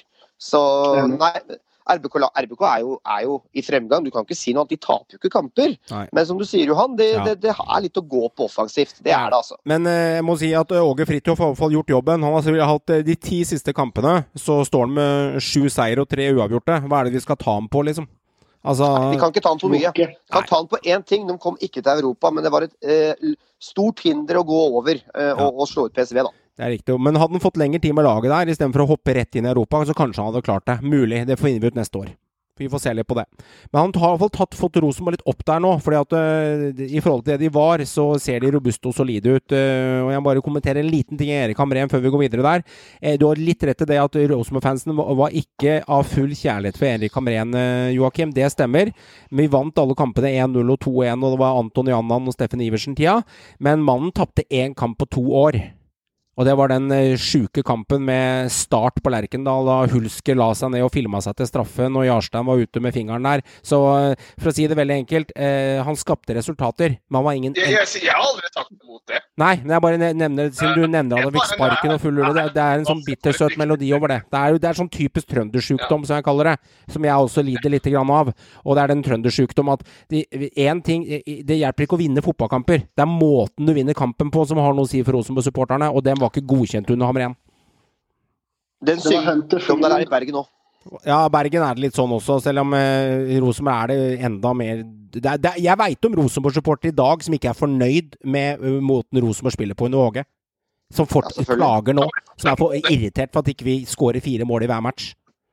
Da, da må du ha en written reality. Ja, men, men, men de gutta her altså, de, de, de, Å våkne opp her og lukte på kaffen, bare glem det. Det er kald kaffe. Det, kom, det kommer ikke til å skje. For at de, vi er så eh, Rosenborg-supportere inkludert. Vi, vi, vi, er, vi er så forskrudd da etter egen tid at det bare ligger igjen fra, i morsmelka vår. Og det innrømmer Rosenborg-supportere òg. Vi har skyhøye krav som er helt umenneskelige. Da må jeg bare si en ting. Det er lenge siden egentida. Det er det, men de har fortsatt vunnet igjen fire-fem gull de siste ti åra, så de er vant til å vinne mye, Rosenborg. Så det ligger litt på det. Vi hopper fra RBK og Molde, som blir bikkjejevnt, til uh, Ola Halvorsen. Hva leker du deilig for? Dønnum. Uh, ordet er ditt, Håvard. Jeg syns det er litt artig at du, at du faktisk uh, beholder den looken og kjører det all in. Jeg syns eh, Aron, Aron Dønnem han er en eh, herlig profil i norsk eliteserie. Mer til sånt, tenker jeg. Du byr på deg sjøl, både utenfor og på banen, og det, det er fint. Vi trenger sånne spillere. Godsefansen Joakim syns jeg var litt kule, da. For jeg syns jeg hørte i starten at de dissa det. Men jo mer jeg satt og så på matchen og hørte på hva de skreik, så hedra de jo faktisk sveisen til Aron Dømnen. De ga jo faktisk cred til fyren. Det er bare i Drammen Ola Halvorsen-stylen er populær, eller? Det skal jo godt gjøres da, at du klarer det som Vålerenga-spiller, så da sier det meg veldig mye om Aron Dønnum, da. Ja, Kanskje han var en taktiker? Kanskje han beregna den at jeg kommer til Drammen, da skal jeg kjøre Ola Halvorsen. Kanskje det. Kanskje det. Artig. Det jeg liker med holdt jeg på Ola Halvorsen, det jeg liker med Aron Dønnum, da, det er litt det Håvard er inne på. Han, han skaper jo mye blest rundt seg. Eh, kan virke litt cocky, men samtidig, jeg liker det, jeg altså. Jeg syns det er, eh, jeg synes det er stilig. Han er i ferd med å bli en skikkelig profil i Eliteserien, og det er jo ikke mange år, holdt jeg på å si. Det, det må vi bare ønske velkommen. Og, og det trenger jo Vålerenga. For de har jo vært, de har vært ganske trause en periode, de spillerne på Vålerenga. Så de trenger litt ordentlige profiler som byr litt på seg selv. Og så syns jeg man skal faktisk hylle at han er en ekte Enga-gutt. Selv om han riktignok er fra Eidsvoll, så har han vært i Enga siden han var 13 år. Og han Ja. valgte nå å skrive under ny langtidskontrakt. Selv om han kunne sitte ut og gått til en klubb gratis, så vil han at klubben i sitt hjerte skal få noe igjen. Og det syns jeg fortjener respekt. Mm. Handla vel sikkert om at tilbudet fra utlandet også heller ikke var så luttraktivt. For det er jo usikkerhet å dra til de landene han ble tilbudt i Tyrkia også, var det ikke det? Nei, det var ikke Tyrkia. Det var, sånn- han var så å si klar han for, Lecce i Serie B, og Ja, takka nei. Mm, det stemmer. Eh, og og, og han, eh, han vil at England skal få penger igjen og kunne sitte ut kontrakt og, og fått spenn og ny klubb garantert. Men Mm. eh, jeg syns vi skal vi hylle litt at i dagens fotball så er ikke det noe selvfølge. Det er. Jeg er enig. Men til en viss påpekning òg, av historiske årsaker, at hvis man ser litt bakover Å gå til Serie B i Italia, det Ja. betyr ikke at det er noe bedre enn å gå til Tyrkia eller Ungarn. Nei. Nei, nei, Det, det er helt der er det er derfor kommentaren min kom der, på at det var nok ikke godt nok eh, sportslig heller, tenker jeg. Det, Det føltes nok ikke helt rett. nei. Men Meran, mer om du sier at han er litt cocky også. Jeg oppfatter ikke Dønnum som cocky. Hva legger du i det? Nei, det er jo litt, eh, litt cocky, men samtidig, han er bra cocky. Han er ikke, han er ikke Jeg sånn syns han virker jordnær, jeg. Helland-klyse-cocky. Jeg syns han er kjempefin, jeg. Du og jeg Helland, du og. Helland, du og Helland mer han, eh, skal jeg sørge for. for Drit nå i Helland. ja, det er du som tar den opp. Du og Helland skal få dere en middag og en softis i Trondheim. Altså skal dere bli forent begge to, tror jeg. For du har eh, spanderer kjærligheten han har. Ja, han får spandere softis med, med tørrfiskstrø på deg, tror jeg. Det er det Helland må gjøre. For at du har kjærligheten for han er enorm.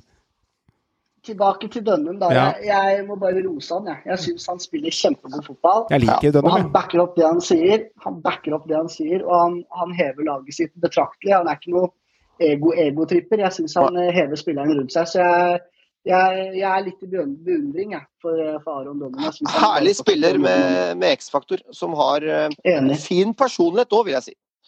Enig. Og så syns jeg jeg tar fram en spiller til på det. Ade Kudbe faktisk syns jeg faktisk gjør mindre feil i år. Det kan godt hende at pga. Nesberg og Borchgrevink at han har fått stramma opp i fireren bak der. Men det er mindre feil, mindre tull.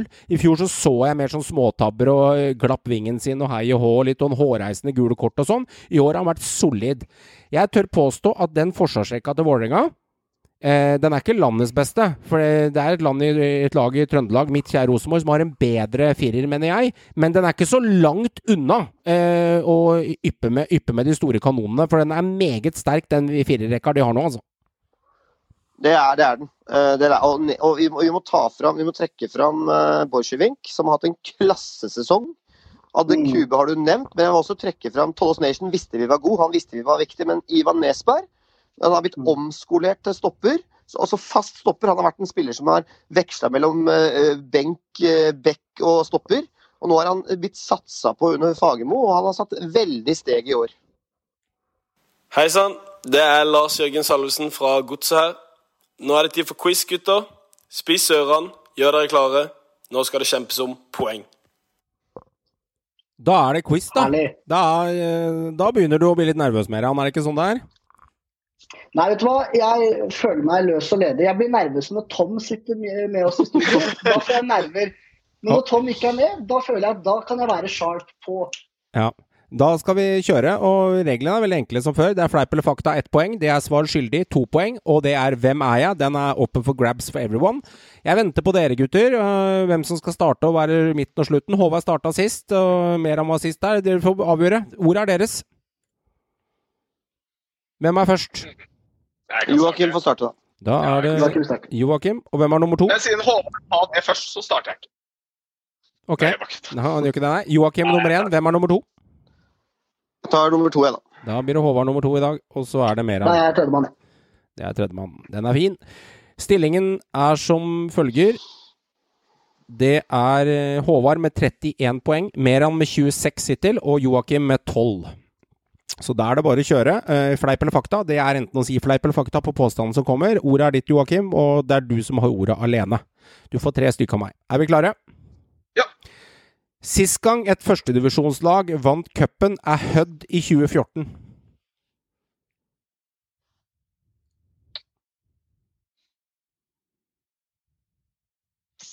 Fleip. Fakta.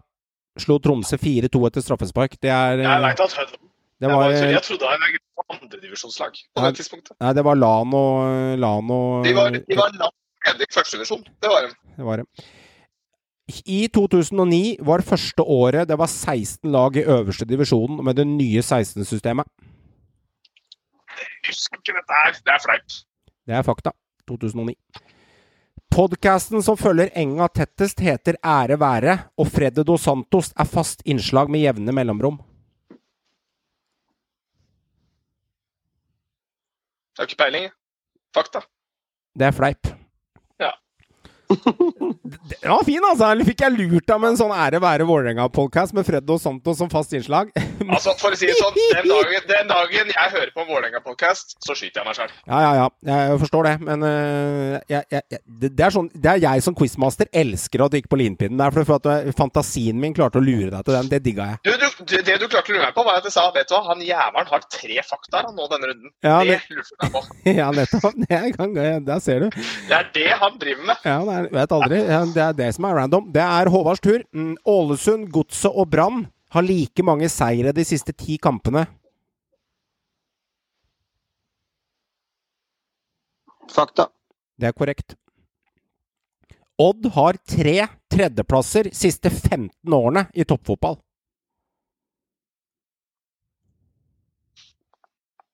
Fakta. Fleip. De har to. 2014 og 2016. Mm. Daniel Berg Hestad har flere kamper enn både Frode Kippe og Roar Strand i øverste divisjon. Hver for seg, ikke sammen. Ikke slått sammen, for da er de langt over. Men det vil si Daniel Berg Hestad har flere kamper enn både Frode Kippe og Roar Strand i øverste divisjon. Mm, det er vanskelig. Nei, jeg tror jeg må prøve å få fakta, jeg. Det er riktig. Han har ca. 30 kamper mer enn Frode Kippe og 40 kamper mer enn Roar Strand. Han blir litt lurt av den der, for da, for, fordi at han var i utlandet en periode der, men han har vært så lenge med. Spilte ut før de var 40 begge, alle tre, så. Ikke sant? Eh, Sagmoen, du karer av gårde med to poeng. Eh, Joakim har null, og da kjører vi Merando. Er du klar, Meran? Ja. RBK hadde toppskåreren tre år på rad. 2015, 2016 og 2017. Fakta. Det er riktig. Husker du hvem det var, da? Det var eh, Å, vet da. Eh, det var i hvert fall Gytkjær, det var Sødlund, og det var Bentner. Korrekt. Ikke sikkert i riktig rekkefølge, men Det er helt, det var litt de tre. Det er riktig. Riktig. Ja, riktig rekkefølge er Søder, Gytkjær, Bentner, ja. Glimt har fått 11 straffer i 2020 på 23 kamper. Rekorden er også 11 til Enga, men de er tilbake i gullsesongen i 2005.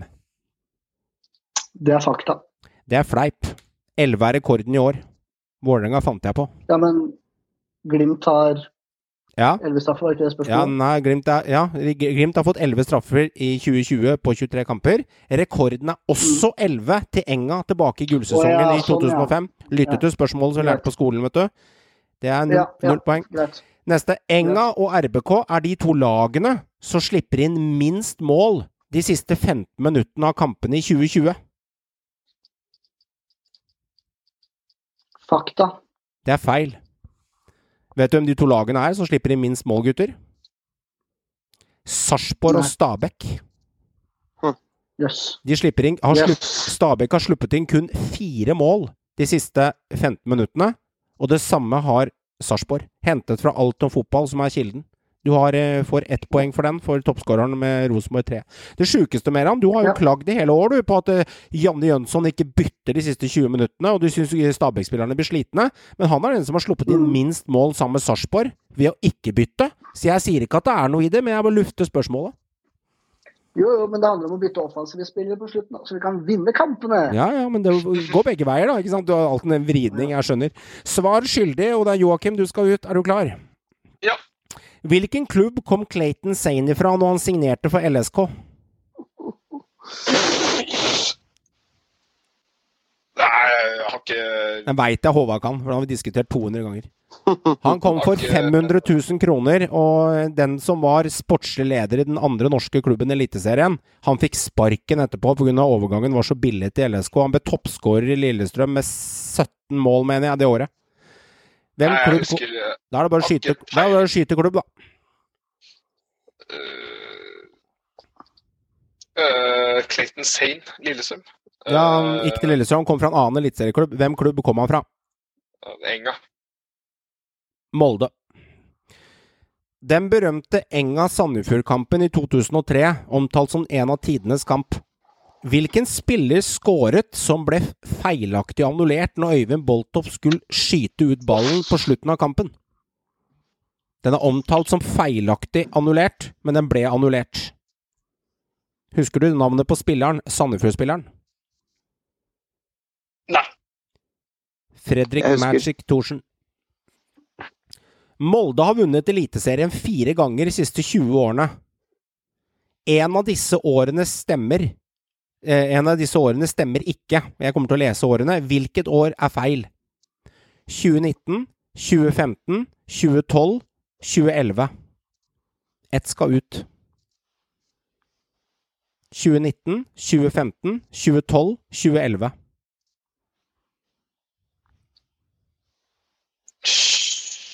Åh, ja, det er jeg. Klokka 20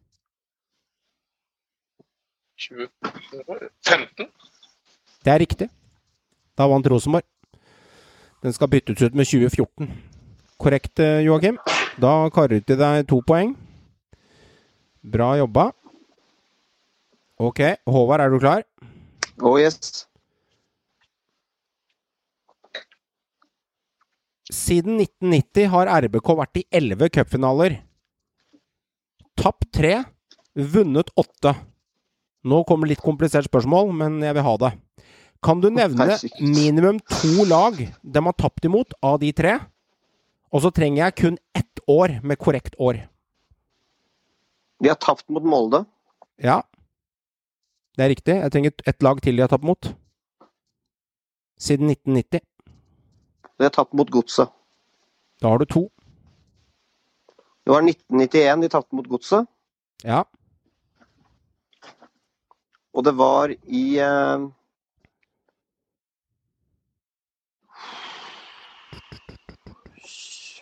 Du mobba meg for en halvt år tilbake når vi satt og diskuterte Molde-Rosenborg. Ja, jeg vet det. Hvilket år var det? Men du har poeng, Håvard, for det er, jeg kan stoppe den der. Du tapte mot Godset i 91. Det er 3-1 til Strømsgodset. Molde RBK 4-2. De har tapt mot Molde i 2013. Det er korrekt, Håvard. Ja. Og så er det den siste, den kan du ta mer av. Mot Stabæk i 98. Det er korrekt. Da tapte også Rosenborg mot Stabæk. Du får eh, to poeng, over for den. Du trengte, jeg tenkte bare to av tre. Takk. Ja. Godset tok gull i 2013. Men hvilket år tok Gods- Godset sist medalje i Eliteserien? Altså etter det, tenker du på, eller før? Eh, etter det. 2014. Det er feil. 2015 sølv. Ah, fuck. Én spiller som enda er aktiv, er inne på topp ti-listen. Med flest kamper spilt i toppdivisjonen. Han er fortsatt aktiv og kan krype opp på topp ti-listen på denne magiske lista der hvor spillere som eh, Daniel Berg Hestad og Frode Kippe er. Hvilke spillere er dette? Som er på flest kamper i Eliteserien. Ja. På den lista er spillere som Daniel Berg Hestad, Roar Strand, Frode Kippe. Han er på topp ti-lista i dag, og han kan fortsatt få kamper i Eliteserien som gjør at han kan krype enda høyere. Han er aktiv enda. Navnet på spilleren. Steffen Hagen. Det er korrekt, Håvard. Da karer du deg fire poeng. Du får for Steffen Hagen, og du får for uh, Rosenborg sine var fornøyd med. flauser i cupen. Den var fornøyd med den, ja? Ja, det var bra, altså, som Narvestad ville ha sagt. Bra jobba. Fire poeng. Meran har en Ja. ener. Da er vi klare. Du er klar til svar skyldig. Mm. Braut Haaland spilte 2018-sesongen i Molde. Hvor mange mål skåret han for Molde klubb det året? Jeg godkjenner bom med ett mål fra eller til. For det er såpass vanskelig. Han, sk- han skåret tolv mål. Det er korrekt. Det er spot on 12. Så du slapp ikke Du trengte ikke noe minus pluss minus. Det er, huska du det, eller skøyt du? Nei, jeg husker det. Jeg mener Jeg huska det var sjøl, 12, men Det jeg er var ikke så usikker. Ja, ja. vanskelig. Det er ikke så vanskelig Det var spørsmål. 12. Nei, nei, men du skal kunne det, da, ellers må du begynne å tippe her.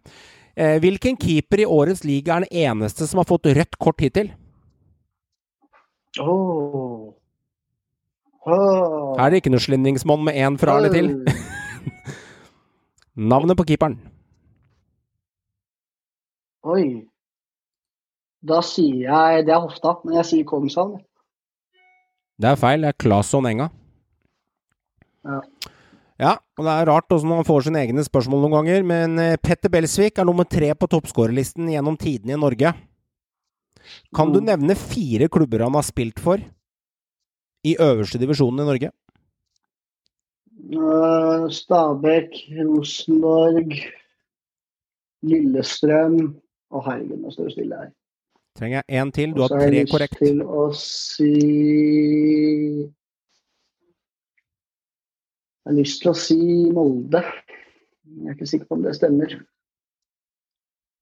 Ja, jeg må si Molde. Nå står det stille her. Han har spilt for Lillestrøm. Nå tar jeg de Mm. siste klubbene først, så går vi nedover. Lillestrøm er den han slutta i.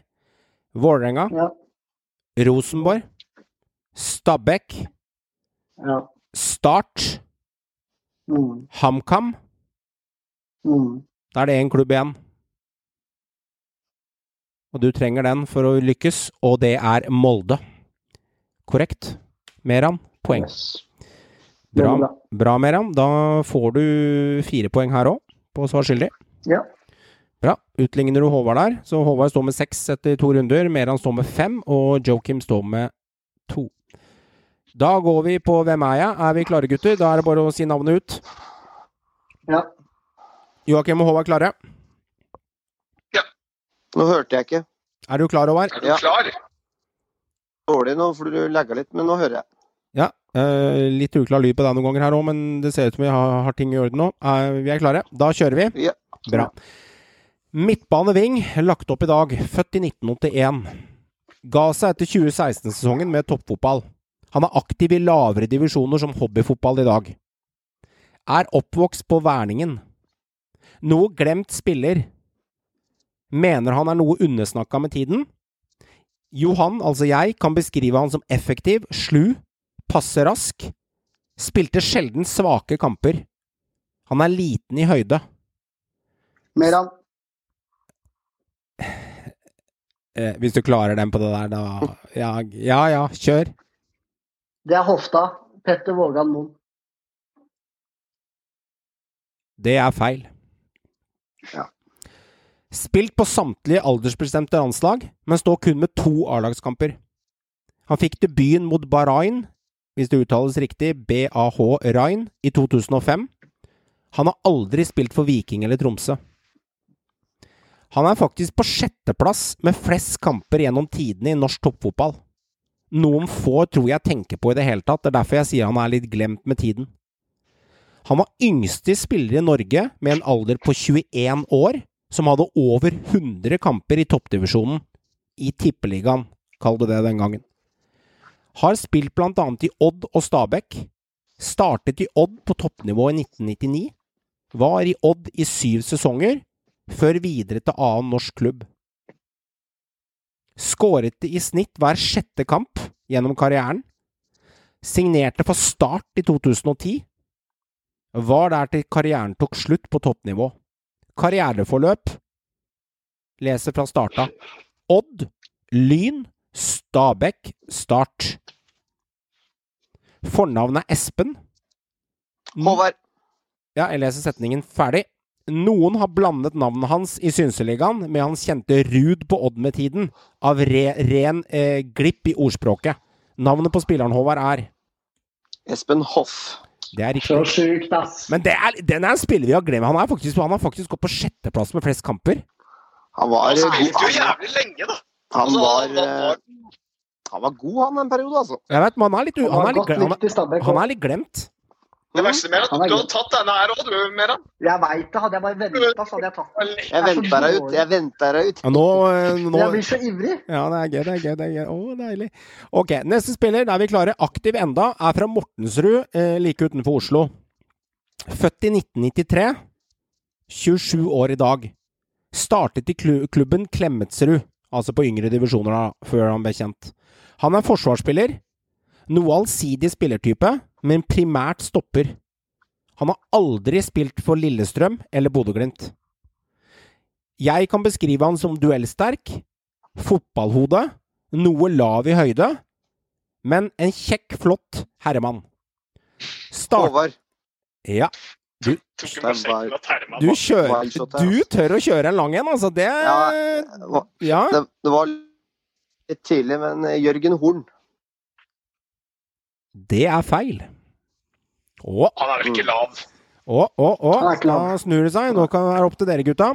Startet i Enga i 2012. Han var ingen stor suksess der. Før annen norsk klubb på Østlandet plukket han opp. Han var i utlandet. Første opphold i utlandet var Major League Soccer. Der var han i to år. Før nytt opphold i utenlandsklubb i Mellom-Europa. Anerkjent klubb for norske ører. Han var nemlig Heerenveen. Krog har møtt han, senest i 2019 i fjor sommer. Spiller i Norge i dag. Kanskje noe undersnakket. Han er Meran. jeg gjennomfører setningen. Kanskje noe undersnakket, stabil, men overrasket. Jeg er overrasket om det ender med et nytt utenlandsopphold på denne, på denne personen. Selv om han er kjekk og har flott utseende, så er jeg overraska over det. Meran, Nicolay Næss. det er korrekt. Tre poeng. Da er det siste spilleren. Eh, født i 1993, aktiv enda. Han er født i Sverige. Første klubb i Norge var Odd. Skåret hver tiende kamp der før videre, før han dro videre. Han er wing angrep. Jeg kan beskrive han som noe frekk, våken. Han har en fin fot, men noe anonym før han vips dukker opp. Han gikk videre fra Odd til en annen nordisk klubb. En annen anerkjent nordisk klubb med en god del tradisjoner, særlig på 90-tallet. Etter et OK, OK minus-opphold i utlandet, tilbake igjen til norsk fotball. Var, skade, ja, var skadeplaget i utlandet før han signerte for en ny norsk klubb. Det var setningen. Ja, Elbasan Rashani. det er korrekt. Den var ganske sterk, altså. Den, eh, Håvard, den var sterk! Den det var bra. Jeg øh, er veldig imponert over Merans uh, egenskaper på quizen den siste tida. ass. Ja, Den er, øh, ja, ja. det er Du er som, du er sånn som leder, eller, Ja, Joakim? men, nei, men, det, nei, men det, det, har, det har noe med de Ja, spillerne Det er noe med de ja. spillerne han tar. Ja. På måten han tar det. Det, det, ja, ja, ja. Den var fin, den der. det er noe med det. Ass. Den var, eh, den var bra med. For Det var ikke lett, den der, altså, Meran, for at neste, neste er eh, delt nasjonalitet pass. Han er, selv om han er født i Sverige, det var neste hint, så er han ikke svensk statsborger. Han er kun født i Sverige. Jeg påpekte det en gang til, for det, det stemmer. Men nå, eh, bra jobba. Og så er han faktisk to eh, Han er seriemester med Rosenborg to ganger, pluss cupmester, så han har litt titler, Rashani, altså. Nei, du Har det. Meran, det, du karer til deg mm, Karer til deg seks poeng i den der, du. Og så karer Håvard til seg en eh, rekketreer, som jeg kaller det. Så du går seilende ut herfra med elleve poeng, og Håvard får ni, og Joakim får to. Og skal jeg summere opp det til slutt, og så havner vi på en sum. Joakim, du er bare som tilskuer, du, som bare er med. Ja, altså, For å si det sånn, da, gutta. Dere kan leve i forhistorien. Jeg briljerer nåtid. Å ja. Og det er helt OK for Men meg. Men du skal passe deg for den, for la oss i neste quiz bli nåtidsquizen med bare det som skjer akkurat her og nå. Ja, men, ja, men, da, ja, men da, da skal jeg love å levere bedre. Ja, ok, greit, greit. greit. Ja, men det er bra. det er bra. Du, du, du er ikke noe sure miner. Det er, jeg er ræva i fantasy. Nei, Dette er du. nei, Det er Jeg du. leder fancy. Dere får kuke med den Ja. quizen. Vi fordeler, vi, vi fordeler, eh, fordeler creden her. Jeg er dårlig i fantasy, og så leverer du, leverer du dårlig dette, ikke sant? Så dytter vi litt på æren og gleden og hvem som er i Kan ikke sumpa. være best i alt. Sånn er det. Du, Joakim, jeg skal starte hos deg. Godset Mjøndalen, eller Mjøndalen Godset, blir vel mer riktig å si der. Eh, I kampen som du, dukker opp der. De skal bort, Oi, bortebane. Vi skal snakke litt om eh, Elv Classico. Eh, det er ikke Ulv Classico hvis det hadde vært HamKam og Kongsvinger oppe på Hedmarken. Dette er Elv Classico i Drammen. Eh, Tømmerbyen. Men da eh, Hva tenker du rundt den kampen? Betydning av kampen her? Eh, altså Altså, Er du nervøs, eller? Altså, jeg hadde kanskje vært det nå hvis jeg hadde vært Godset-supporter, for det vinner Mjøndalen den her, så ja, da, da begynner det å snuses bakfra. Altså, Godset har tre blytunge kamper som følger den kampen. Men fokuser på den første tunge, du, istedenfor å fokusere på Nei, alle tre. nei, nei, fordi, nei, fordi, ja, men det er det som er poenget. De, de har tre blytunge kamper etter den kampen. Hadde det vært eh, tre vanlige kamper, altså Den kampen kan gå begge veier. Det kan hvert eneste år. Mm. Uh, det, er sånn, det er sånn det skal være. Det er Ok. sånn sånne kamper skal gå. Det skal være vanskelig å vinne, men i år da er det sånn som tabellen ligger, da, så er det faktisk vesentlig å Ja, det er en kamp mot uh, Ja, håper å si nesten må vinne. Mm. Men det må jo Mjøndalen òg. Ja, altså hvis Mjøndalen altså, ja, hvis Mjøndalen tar den kampen, så har de det halmstrået uh, de trenger eh, for å kunne klare seg i Eliteserien, Jeg tror jeg. Jeg skjønner. Så det er en kamp begge lag må vinne. Mm. Det er jeg helt, helt enig i. Eh, og det er eh, Ja. Den eh, blir tung. Den blir tung. Det blir jo eh, Mjøndalen eh, var jo yppa seg litt grann der mot, eh, mot Molde, Meran. Eh, før, de, før de klarte å gå på noen personlige feil, og så kom kvaliteten til syne. Og maskineriet i Molde viste at vet du, ikke kom her og kødd, lillebror. Vi drar hjem 1-3-seier allikevel. Så Mjøndalen kommer jo til å trappe opp alt som kryper og går. De kommer til å sette vaffelpressa høy, høy, høyt i fanget, for å si det sånn, og kline til. Fordi at skal Mjøndalen og de brune henge med Meran, så er det denne kampen her må de slå godset, faktisk. Ja, de må det. Jeg er litt spent på det resultatet i den kampen der selv. Jeg, eh, ja, Nå skal ikke jeg melde for mye, men jeg, jeg tror det ender med en 2-2, jeg, da. Men det nå er ikke jeg som skal melde der.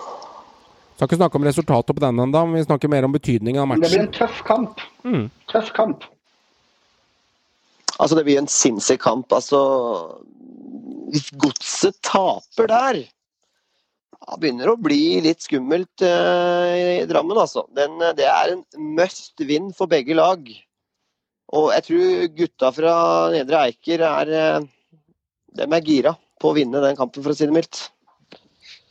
Ja, altså, Mjøndalen altså må vinne den kampen. Ja, er, for, for Mjøndalen må vinne den kampen, for hvis de ikke vinner den kampen, så er, da, da er kvalik det aller beste de kan få. Altså, da, da alt det er er helt urealistisk. Det er enig Godset må absolutt vinne kampen, men så lenge ikke Start tar poeng, så kan de klare seg med uavgjort og fremdeles ligge greit an i forhold til nedrykksstriden. Men de har de tre kjipe kampene som kommer på rekke og rad etterpå, så Ja.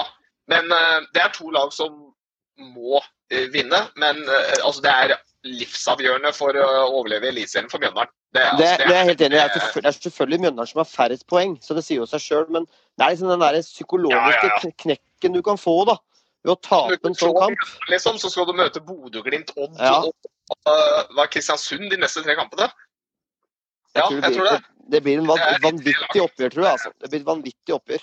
Men det er forskjell på Mjøndalen som må, litt som må, bør og skal, den gamle skoleregelen. For godset, de bør vinne. De kan tape den uten at det er helt krise. Altså, Nei, ikke tape, ikke tape, fordi da får Mjøndalen tre poeng. ja, Eh, men, uh, jeg- men, men tape, følg, hvis du la meg følge med på men resonnementet mitt, så hadde jeg vært, vært fornøyd her. Hvis godset taper den kampen, så er det fortsatt helt De er fortsatt foran Mjøndalen, og de har fortsatt noen poeng å gå på. Men eh, hvis Mjøndalen taper den, så er løpet kjørt for Mjøndalen Ja, ja. godset. Så det er forskjell på må og bør her, og det tror jeg kan være en psykologisk for fordel drammenserne, altså. Jeg tror ikke det har så mye å si jeg, i akkurat den kampen her. Jeg okay. tror ikke det. Jeg tror dette er en kamp som begge lag føler at de absolutt må vinne. Mm. Mjøndalen av nødvendighet, men for godset sin del så er det rett og slett for å altså få troa på at de kan vinne en fotballkamp igjen. Mm. Altså De må kunne slå et båndlag. Altså, det er det som er poenget. Du må slå laga under deg, i hvert fall. Mm. Eh, Det er vesentlig. Uten å snakke for mye om overtidsmål, Håvard, og øh, hvor håpløst det står til i Bergen, og nye krefter inn der. Men øh, Håvard, kommenter gjerne de fire neste kampene, Sagmoen, for Brann. Det er Haugesund, Rosenborg, Ålesund og Viking. På, par, på papiret så er det jo overkommelige lag å slå. Men Ålesund taper dere mot. Det, litt, det skjønner vi bare har skjedd. Ja, jeg klarer ikke helt, klarer ikke helt å liksom uh, tro at de, at de skal tape, men, men det verste er at det kommer de sikkert til å gjøre. Ja. Det er jo typisk, det er nesten skrevet i stein. At eh, da kommer LAN, og så vinner Selvfølgelig. Så den, den er tapt. Og så har du de. Vinner 1-0 på sånn selvmål eller noe. ja, selvfølgelig. Og Haugesund, da kan alt skje. De kan vinne 3-1, Ja. de kan tape 3-1. Rosenborg, det er jo nødt i seg sjøl. Det er jo RBK. De taper jo ikke fotballkamper. Og Viking har Veton Berisha som, Berisha, som skal på en måte senke gravstøtta i, og vise at uh, fuck off hele gjengen. Så det blir ikke noen enkle matcher for Nei. eh, stolte Bergen heller. Ingen kamper er enkle. Uh, ikke mot Ålesund heller. Det, det er ikke. Rosenborg også sleit lenge mot Ålesund, og det er mange lag som sliter mot de, selv om de bare vinner to kamper. Så de, de fire kampene her blir beintøffe.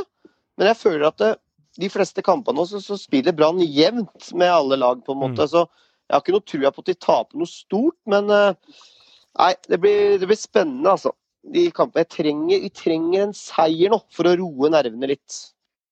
Tror du holder, uh, Meran, uh, hvis Brann karer med seg fire poeng ut av de fire matchene? Dvs. Si at de går på to tap, Meran, uavgjort og en seier. Er fire poeng nok til å, få, til å kjøre nok luft i pustemaskinen her, eller hva tenker tanken, Meran?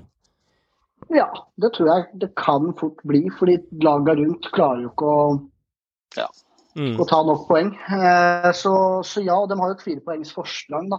Men det er nettopp det jeg prøver å- Ja, seks poeng mer enn. Ja, seks poeng. Ja, ja, men det kan fort gå. Det kan fort gå med fire poeng ekstra der, da. Det kan det. De må komme en seier i løpet av de neste fire. Det må det, liksom. Ja, det bør Det- det. Ellers det så det. er det nedrykk. Ellers er ellers er det ikke bra. Men et lag som øh, har fem poeng opp der, som må hentes, er jo Start. Og Meran, de har Sarp, Odd, Viking og Glimt. Jeg gjentar. Sarpsborg, Odd, Grenland, Viking og øh, Glimt. Det er ikke noen enkle kamper for Start, det heller. Jeg bare nevner igjen at det er Nei. seks poeng og ikke fem, så de er seks poeng Ja, å hente. seks poeng. Beklager. Seks år, det er riktig. Eh, men eh, Sarpsborg, Odd, Viking og Glimt, Meram, hva tenker du om det? Men Håvard, det er fem poeng opp til Godset. Eh, Start, Håvard, Start har fem poeng opp til Godset, som er på trygg grunn. godset, men jeg trodde vi snakka om Brann her. Nei, opp til Godset er det fem, opp til Ja, Brann er det det er seks. riktig. Det er trygg grunn. Ja. Da, da er vi enige. Mm. Ja. Ja. Men gjerrige Sarpsborg, eh, Bodø-Glimt, eh, de, er- de er vanskelig å få has på. Viking veit jo aldri med, og Odd Det er ikke noe å tulle med de heller, så Start har et mye verre utgangspunkt enn både Strømsgodset, Meran. Ja. Hvis du har lyst til å ta ordet på den? Ja, det har de. eh, Og de sliter med å vinne kamper, dem òg. Nå har de Makridi ute til neste kamp, Mm. så det kan, kan fort bli veldig tøft for Start, altså. Eh, Jeg ser ikke helt at de kan klare å ta noe særlig med seire der, i de kampene der. Men unnskyld meg, annet enn plass at de starter under en verre utgangspunkt enn Godset de neste fire kampene. Som har Mjøndalen borte, så har de Bodø-Glimt hjemme, og så har de vel Odd Nei, Kristiansund borte og Odd hjemme. Ja. Jeg vil ikke si at Start har et vanskeligere utgangspunkt enn Godset med de neste fire kampene. Det vil jeg ikke si. Jeg Nei. absolutt, Ja, men dere har fem poeng opp. Det, det, vi, har, vi, har tatt, vi, har, ja, vi, har noen poeng. vi har tatt med de vi har, Ja, men Joakim, vi har tatt med at én ting er at en godt vinne tre matcher mot de Ja. kampene, og det skal mye til at Start vinner tre, tre av fire der òg, for det er røft for laget de møter. Men da kan Godset vinne én og en uavgjort, og så er de likt, liksom. Og de, de har de fem Ja. poeng av Godset. Det er det jeg mener at Start De må virkelig henge her, da. Det er det som er poenget her. Mm. Mm. Altså, altså det, det ligger jo an til at det blir At det står mellom Start og MIF. Selv om vi selvfølgelig er litt stressa, vi i bånn her nå. Men hvis du ser på programmet til disse lagene, de er Altså da, Mjøndalen er langt bak. Altså, Ja de, er ikke langt, de er ikke langt bak Start. Nei. Men de, de, det er kun kvalik for MIF, liksom. Det er ikke snakk om så mye annet, tror jeg. Det er ikke snakk om at MIF altså, tar igjen MIF de tar igjen godset. Taper de mot Godset nå, da, da, da er det over. Da, da er det nedrykk, maks kvalik. Da, da er det alt de det, kan det, få. det står nok, det er som jeg har sagt før. Mm. Hvem skal de på en måte ta igjen? De lagene? de er såpass svake, Start og MIF, Er sant, at jeg klarer ikke helt å se, altså. At de skal klare å komme seg forbi der. Men uh, du veit jo aldri, selvfølgelig. Men det blir et bikkjerace som kvaliken, og den kvalikplassen. Men klart, møter du i kvalik, da, mer om du kan få siste ordet på den, så kan det hende du i verste fall får Lillestrøm eller Sogndal i kvalikkampen. Og det er ikke noe Det er ikke noe walkover, det heller. Den tid, den sorg, tenker jeg. De to lagene Start og Mjøndalen må ofre alt de kan nå de siste syv kampene Ja, ja. til å fighte om den kvalikplassen, altså. Det er riktig. Det, Apropos kvalik, så tror jeg det blir Sogndal. Altså. Ja, ja, men- Ganske sikker på de sa- saft, saftkokerne oppi der, altså. Jeg tror det. Ok, ok. Poeng, tabelltips. Neste Neste rundespådom, Meran. Du var høy og kjekk og mørk etter forrige runde, og du traff jo spot on. Men så disker du opp med null poeng på, tabell, på tipset angående, angående eh, kampene som vi har fått utdelt to kamper hver. Så her blir det null poeng på denne runden her. Du fikk ikke noe score på Odd Sarp 1-1 eller Haugesund-Ålesund 0-1. Der røyk det på begge. Joakim, du Ja. karer med deg ett poeng fra begge matchene, for du tipper riktig, riktig seierherre. Det er sterkt tippa. Vi er ganske spot on, gutter. Eh, Håvard også karer med seg to poeng der, for du tipper riktig riktig seierherre i Rosenborg, Håvard. Og så kjører du uavgjort på Sandefjord Brann Sagmoen. Den treffer du på. Men eh, det ble ikke noen trepoenger, fordi du tippa 2-2 og ikke 3-3. Men du får en ener, så det er to poeng på dere. Krog derimot, han får fire poeng. Jeg traff på Stabæk Viking 1-1. Der får jeg en trepoenger. Og Godset Enga, der tippa jeg borte til eh, Enga med 1-4, men det ble 0-2, så fire poeng. Så akkurat nå så er konkurransen som følgende. Eh, Krog og Meran, dere har seks poeng. Håvard, du har fire poeng. Og Joakim har to poeng på tippekonkurransen i poeng. Og da kan vi starte hos deg, Joakim, eh, på, på denne ukens kamper. Du har eh, fått eh, Mjøndalen Godset. Ordet er ditt, Joakim. Herregud, for altså, de to kampene jeg har fått, det er jo helt krise. Ja, så, så- jeg har fått de mest åpne kampene i hele runden. Alle klager hele tida på det der, men du har fått de to, du. Jeg bare dytter det nedover, så blir det som det blir. Uh, nei, altså her må jeg jo bare Altså jeg må Altså her blir det jo at jeg, det her blir jo å tippe med Altså jeg håper å si hjertet har mye å si, men eh, jeg er også realistisk sett altså. Nei, eh, jeg tror Strømsgodset slår Mjøndalen. Eh, De må slå Mjøndalen. Eh, Jeg tror de klarer å mobilisere nok til å ta den kampen. Eh, Og hvis de gjør det, så tror jeg de tar det greit. Jeg tipper 3-1 3-1 til Strømsgodset. tipper jeg. 1-3. Da kan du fortsette på Brann Haugesund. Oi. Det er jo, det er jo helt Ja, men sånn er det jo. Altså, eh, Håvard fikk jo Brann sist sitt eget lag. Nå får du ditt eget lag denne gangen. Det er alltid litt Nei, sånn. det er ikke lag som er verst. Det er jo den kampen her som er verst. Altså Brann Haugesund. Altså, det kan hende alt fra 0-0 til 0-4. Det har ingenting å si. Ja, men kjør, da. Du får gi et resultat til oss. Eh, Meran ble stille, vet du, når han ble vippa ned fra tronen med null poeng denne uka. Meran. Klink B, klink H, Meran. Sett eh, Det kommer. Den siste tida. De ser ganske sverre ut. Jeg, jeg, jeg tror faktisk at Brann vinner den. Jeg. Jeg liker det. jeg tror Brann vinner den. Det blir nok ikke noe, men eh, 2-1 til Brann.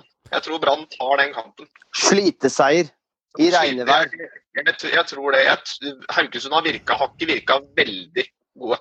Så 2-1 til Brann. Det er min eh, spådom. Haugesund kommer jo fra den kjipe tapet mot, uh, mot Ålesund der, så de er ikke Mm. helt, de ikke helt i hva. Men Haugesund veit jo aldri med. De, de, har noen, noe, de har noe velde og sånn, plutselig kan diske inn to-tre skåringer. Du veit- aldri med Brann heller, så det er jo greit. Ja, det vi veit disse ti kampene, er at de suger. Så de, de trenger en seier snart. Eh, Glimt, eh, Håvard, Glimt Ålesund. Håvard, du kan få ordet på den. Mm. Skal vi ta 4-1. mer av den? Ja, der kommer mer av det. 4-1. Sier, ikke, sier du ikke de magiske ordene? Håvard, det er kjipt hvis du ryker på en 1-1 og ikke får et poeng for riktig seierherre der, altså. For den, det var dagens Ja, enkleste. det, det, det, Det er flinkeste ben du faen finner. ass. Nei, ikke ben. være. Ikke ben mer, han. Det er H der, Nei, tenker jeg. Ja. eh, Det blir eh, Jeg tipper, eh, jeg tipper rein hjemmeseier, holdt jeg på å si. Fire, fire Jeg tror de får et trøstemål. 4-1, tror jeg. Det er greit. Start Sarpsborg, da. Oi. Den er litt på nivå med Brann Haugesund, syns jeg. Den er også Mm, veldig. Jeg tror det blir 1-1. 1-1, ja. Den er fin. Eh, da kan jeg ta ordet, så kan jeg, du avslutte i dag, Meran. Eh, Viking, Ros Viking Rosenborg. Eh, Viking der, de skal spille to kamper nå på kort periode, og så får de Rosenborg i tillegg på besøk. Litt uthvilt i beina. Rosenborg sliter med å skape nok. Eh, Dino skårer. Det samme gjør Berisha. 1-1. Rosenborg har fått fryktelig godt betalt i lang tid nå eh, på å produsere mye sjanser, og de er nødt til å gå på en uavgjort snart, da de ikke karrer land. Så jeg tror 1-1. Rosenborg avgir poeng i den matchen. Mm. Enga Odd, eh, det blir litt Fagermo mot Skiensdraktene. Det blir litt sånn eh, hatoppgjør der. Hat og kjærlighet i lufta. Eh, Odd også litt slitne bein der. Jeg tror, tipper Vålerenga vinner eh, 2-1, tipper jeg. Hjemmeseier til Enga. Enga tar den der. Eh, forrige gang så var det jo Odd som var storeslem, da Børven eh, netta en tre-fire skåringer der og senka Fagermo eh, tidligere sesongen, rett før Rosenborg nappa ham opp. Men nå tar Fagermo revansje, og det blir 2-1 til Enga. Og 1-1 i Viking Rosenborg. Eh, Molde-Kristiansund, ditt kjære mm, hobbylag Kristiansund fra sida. Eh, der Molde mottar dem på Aker der. Hva tenker du, Merando? Jeg tenker at seierherre der blir eh, Molde. Ok. Eh, skal jeg tippe resultat, så tipper jeg faktisk 2-1 til eh, Molde. Riktig. Alle tipper at alle lag har scora. Ingen som tør å gå for en 1-0 eller 2-0 her. Det, alle sikrer seg litt. Sandefjord, Stabæk. Du får ditt eget lag denne runden. Ja, det er den som tynger meg litt mest her. Der tror jeg ikke det blir noen uh, seierherre, for å være helt ærlig. Jeg tror den, eh, det blir en målrik kamp, men det ender uavgjort. Jeg tror det ender 2-2 i den kampen der. 2-2. Mm. Skal, 2-2 skal. Meran, skal jeg avslutte episoden i dag, eller skal du synge 'Her kommer guttene våre' i dag eh, som avslutningssang? Nei, nå er det ikke noe hjemmekamp neste kamp, så derfor, det får vi ta runden etter. Avslutt. Jeg tenkte jeg skulle, tenkte jeg skulle utfordre deg på den, men eh, neste hjemmekamp når Stabæk skal motta, skal vi synge 'Her kommer guttene våre' med stor allsang. Det hadde vært noe. Det gjør vi det med hånda på brystet og full hals. Full hals. Vi vil gjerne takke TV2 Sporten for bruk av lydklipp i denne episoden, samt gå inn på dplay.no for å se hvordan du får tilgang til hele Eliteserien i 2020 der du er. Tusen hjertelig takk, kjære lytter, for at du hører på Synseligaen. Setter veldig pris på de lytterne som er der ute, og det engasjementet vi får tilbake på Twitter og på Instagram. Hvis du syns vi gjør en god jobb, så del gjerne episoden vår på Twitter eller på Instagram når vi legger ut en liten, eh, en liten eh, klipp der med bilde og sound fra episoden. Det setter vi pris på. Da for når Synseligaen enda lenger ut til folk der ute som er glad i for norsk fotball, sånn som vi. Ha en glimrende uke. Kos deg med kampene som kommer. Vi snakkes. Dette dreier seg ikke om taktikk. Det dreier seg om å ville ta ut det du har i magen. Dere er gode. Skjønn at dere er gode. lagt